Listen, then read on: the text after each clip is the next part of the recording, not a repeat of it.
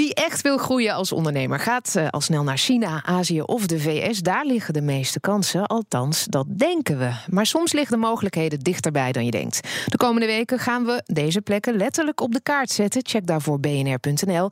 En dat doen we samen met Frans Nedersticht van RVO, Rijksdienst voor Ondernemend Nederland. In opdracht van het ministerie van Buitenlandse Zaken struinen zij het buitenland af voor ondernemers. Frans, goedemorgen.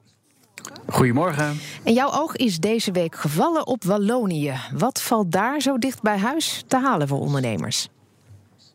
Nou, wat, nou, vooral omdat het zo dicht, vooral omdat het zo dichtbij is, uh, is het natuurlijk hartstikke interessant. Hè? Want uh, uh, vanaf als je over distributiecentra en distributiemogelijkheden praat, en vanuit Utrecht is het 2,5 uur zo'n beetje. Vanuit Maastricht is het uh, de krap anderhalf uur aanrijden richting Namen. Hè. Dan zit je echt al in het diepe, diepe zuiden van, uh, van Wallonië.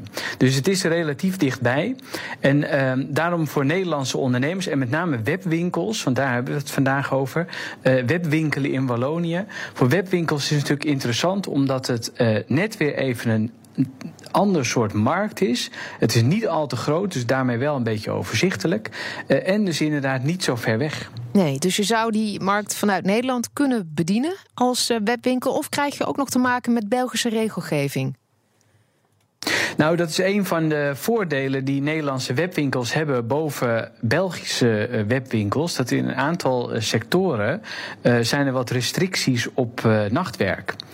En uh, dat, dat betekent dus dat een, een bedrijf als Coolblue, die, die in, in Wallonië ook actief is, met een Franstalige site ook, mm -hmm. dat een bedrijf als Coolblue die, die, ehm, die, die garanties biedt hè, voor de levering van, van bepaalde producten. Dus voor 11 uur s avonds besteld, volgende dag in huis.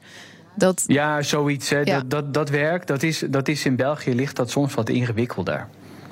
Is het ook een mooi opstapje naar de Franse markt? Uh, ja, zeker. Want uh, net wat ik zeg, hè, als je, het, is een, uh, het is een wat kleine markt. Hè. Wallonië is 3,5 miljoen inwoners een beetje. En, en we adviseren mensen wel om ook Brussel een beetje mee te nemen. Het ligt wel niet in Wallonië, maar het is ook, natuurlijk ook Franstalig deel. Um, wat, wat voor je bedrijf belangrijk is, dat je een Franstalige website maakt. En dat je ook een Franstalige back-office hebt. Maar omdat het juist een wat kleinere markt is nog, kun je eens even voelen hoe het water is. Hè? Of, of jouw producten ook in die, in die markt een beetje aankomen. Ja. En als je dan, als je, als je dat, uh, als dat goed, goed uh, bevalt. goede resultaten oplevert, als dat bevalt, hè, dan kun je kijken van, nou, nou hebben we toch al die Franstalige website en zo. Dan kan ik misschien nog wel beter uitbreiden naar Frankrijk ook. Uh, jij noemde net al Coolblue. Zijn er andere Nederlandse partijen die al succesvol zijn in Wallonië? Ja, er zijn er, er zijn er een paar. En uh, er is een website, die is inmiddels wel verkocht. Dat heet tweedehands.be. Of eigenlijk hè, Deuxième, Deuxième Main.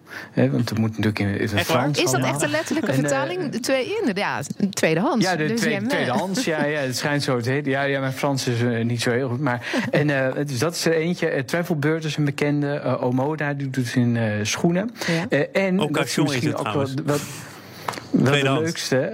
Nou, tweedehands, oh, oké. Okay. okay. uh, maar misschien wel de leukste is uh, een, een webwinkel voor speciaal bier, uh, Beerwolf. Van Heineken? En dat is dus een. Ja, dat is dus een Nederlandse webwinkel die eigenlijk in, in de, nou, wat je, de, de bakermat van de speciaal bieren, daar speciaal bier aan de man probeert te brengen. Dan, dat is een hele, dat is een hele leuke, leuke onderneming ook uh, die daar actief is. Uh, wat zou jij ondernemers die nu luisteren denken: oh ja, Wallonië, wat zou jij ze nu adviseren? Ja, laat ik om te beginnen, even een Vlaams spreekwoord er tussendoor nog. Hè, bezint eer je begint. Het is belangrijk dat je een goede business case uh, opzet. Het is belangrijk ook dat je of in een niche-markt gaat zitten. Dus een beetje zoals die, bier, uh, de, de, die bierwebwinkel. Um, of echt specifieke producten verkoopt. Mm -hmm. uh, of dat als je natuurlijk die, die markt wil, voor, je, voor je wil gaan winnen, dat je echt diepe zakken hebt. Hè? Dus dat je goed, dat je een behoorlijk marketingbudget hebt, dat je, dat je echt wel jouw, uh, jouw bedrijf aan de man kunt brengen. En dus je moet wel heel goed nadenken over wat, de, wat, wat wil ik daar nou eigenlijk mee bereiken. Daar kunnen we je ook bij helpen. We kunnen met de ambassade in Brussel staat voor, voor mensen klaar die daar interesse in hebben. Of hier bij RVO. Hè. Je kunt, je kunt RVO via de social media kanalen contact opnemen om te kijken van hè, wat zou voor mij interessant zijn. Dan brengen wij ook in contact met, met grote Nederlandse spelers die daar al actief zijn, hè, zoals ik net uh, een aantal voorbeelden noemde. En als je dan die voorbereiding gedaan hebt, dan kun je dus van betrekkelijk eenvoudig, omdat het toch wat, wat dichterbij is, kun je betrekkelijk eenvoudig even aanvoelen van nou, is dit iets voor ons? Uh, is dit iets voor mij om mijn bedrijf daar naartoe uit te breiden? Frans, heel kort nog. Volgende week donderdag natuurlijk weer een nieuw Europees zakelijk pareltje. Heb je al een idee waar we dan naartoe gaan? Uh, ja, zeker. Gaan we naar een ander buurland, uh, Duitsland en uh, dan Stuttgart met name. En ehm, daar gaan we het hebben over e-health. Duitsers kampen ook nog wat met gezondheidsproblemen. En dan gaan Nederlanders ze bij helpen en op een hele speciale manier. Dat horen we volgende week. Dankjewel, Frans Nedersticht van de RVO.